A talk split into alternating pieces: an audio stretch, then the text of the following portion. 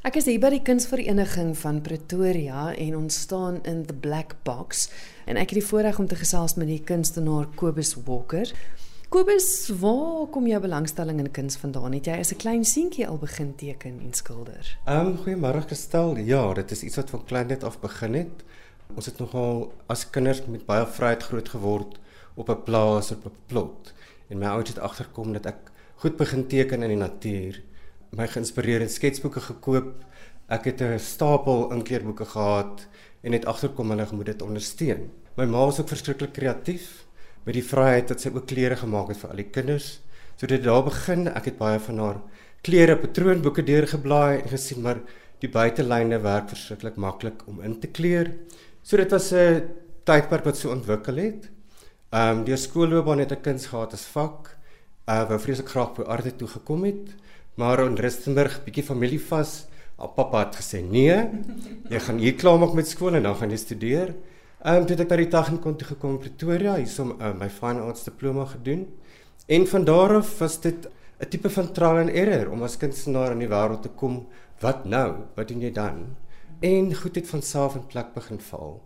Uh net besef dat as jy glo in wat jy wil doen en ander kreatiefes op 'n daaglikse basis het goed net bymekaar gekom.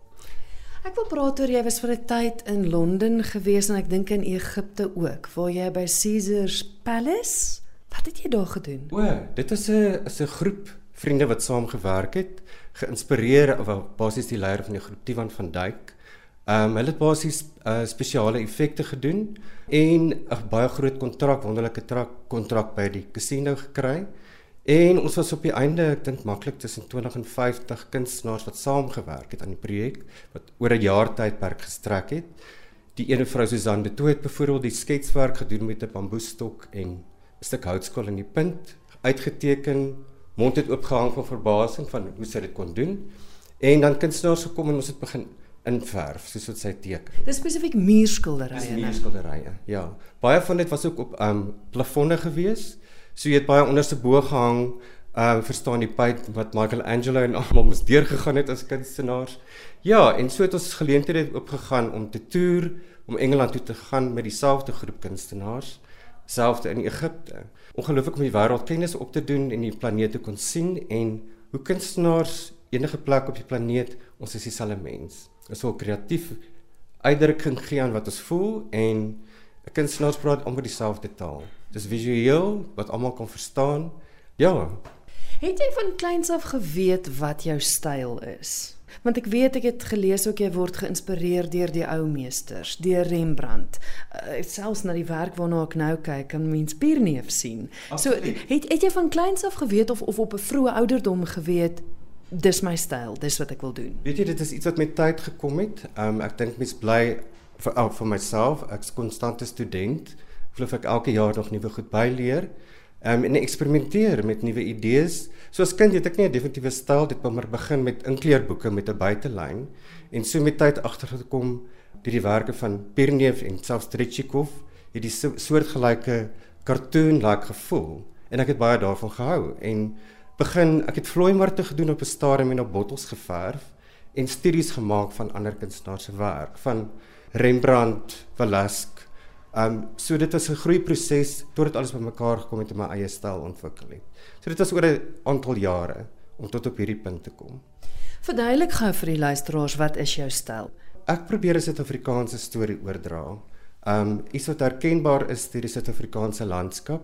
Ehm um, ek hou ook daarvan om hierdie herkenbare te speel, soos tipe van Pierneef landskap in die agtergrond wat almal ken deur die jare, maar dit is 'n tipe van 'n ready-made te gebruik of so 'n wallpaper en dan 'n tafelblad voor dit te plaas met 'n voorwerp op, herkenbare voorwerp, 'n bakkie, soos 'n keramiekbakkie of 'n emalie bakkie.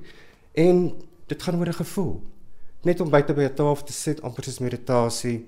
My werk gaan oor daar's tyd om bietjie stil te raak en kalm te raak. En dis die gevoel wat ek probeer oordra. Um ek sluit ook baie voels, natuurtonele, bome goed in klanke sodat dit het nog 'n dimensie waar voels ook geluide maak mm. en die gevoel in natuur, bome wat waai. So dis amper al jou sintuie inspann. Is hierdie die werk waarna ons nou kyk spesifiek vir die uitstalling of of is dit hoe jou werk deurgangs lyk? My werk volg dis 'n storie wat net continue. Um ek hierdie is dink my 4de uitstalling hier in Black Box met soortgelyke storie.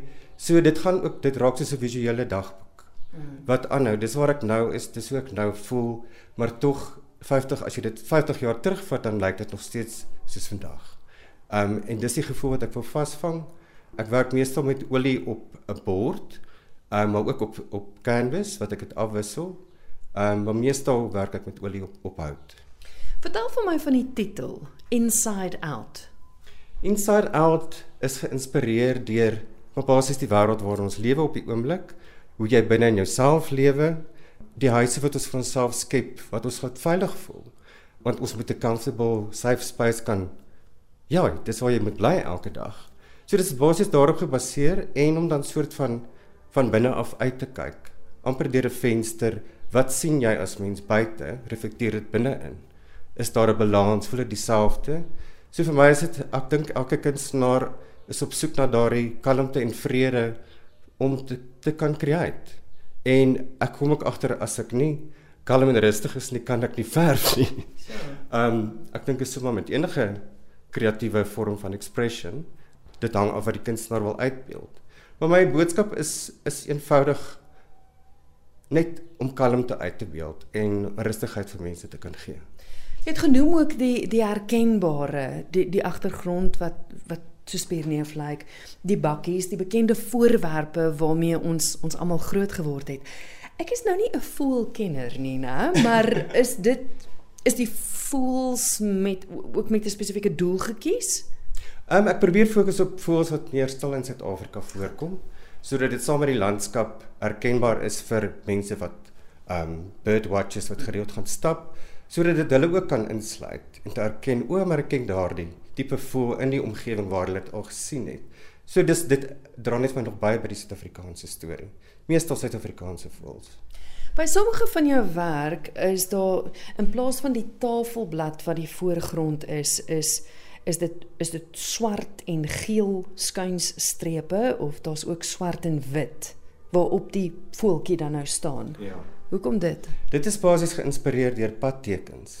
Wat ons almal elke dag as ons ry na padtekens kyk en basies amper nie dit meer raak sien nie. Mm. Ehm mm. um, en 'n stolte oomblik wat jy by 'n robot stop, sit daar toevallig 'n voeltjie op een van die chevron padtekens.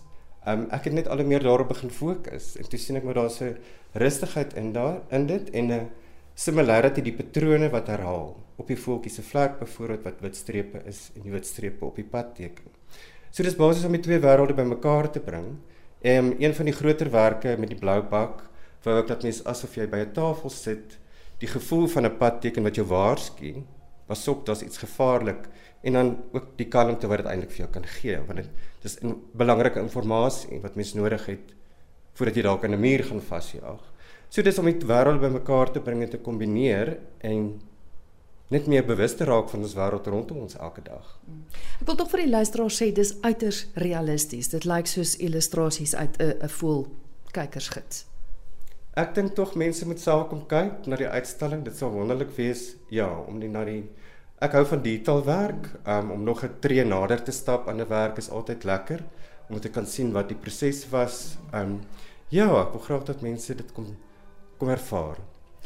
Hier's drie werke agter my wat bietjie anders lyk as die waarna ons nou gekyk het. Dit lyk soos lino snee. Dis heeltemal reg. Maar dit is nie. Maar dit is nie. Dit is gebaseer op baie klein houtsneewerke wat ek van Pierneef ontdek het. Dit was die inspirasie daarvan. En ek is nie 'n goeie houtwerker nie. Ek weet om 'n spyker behoorlik in te kap nie.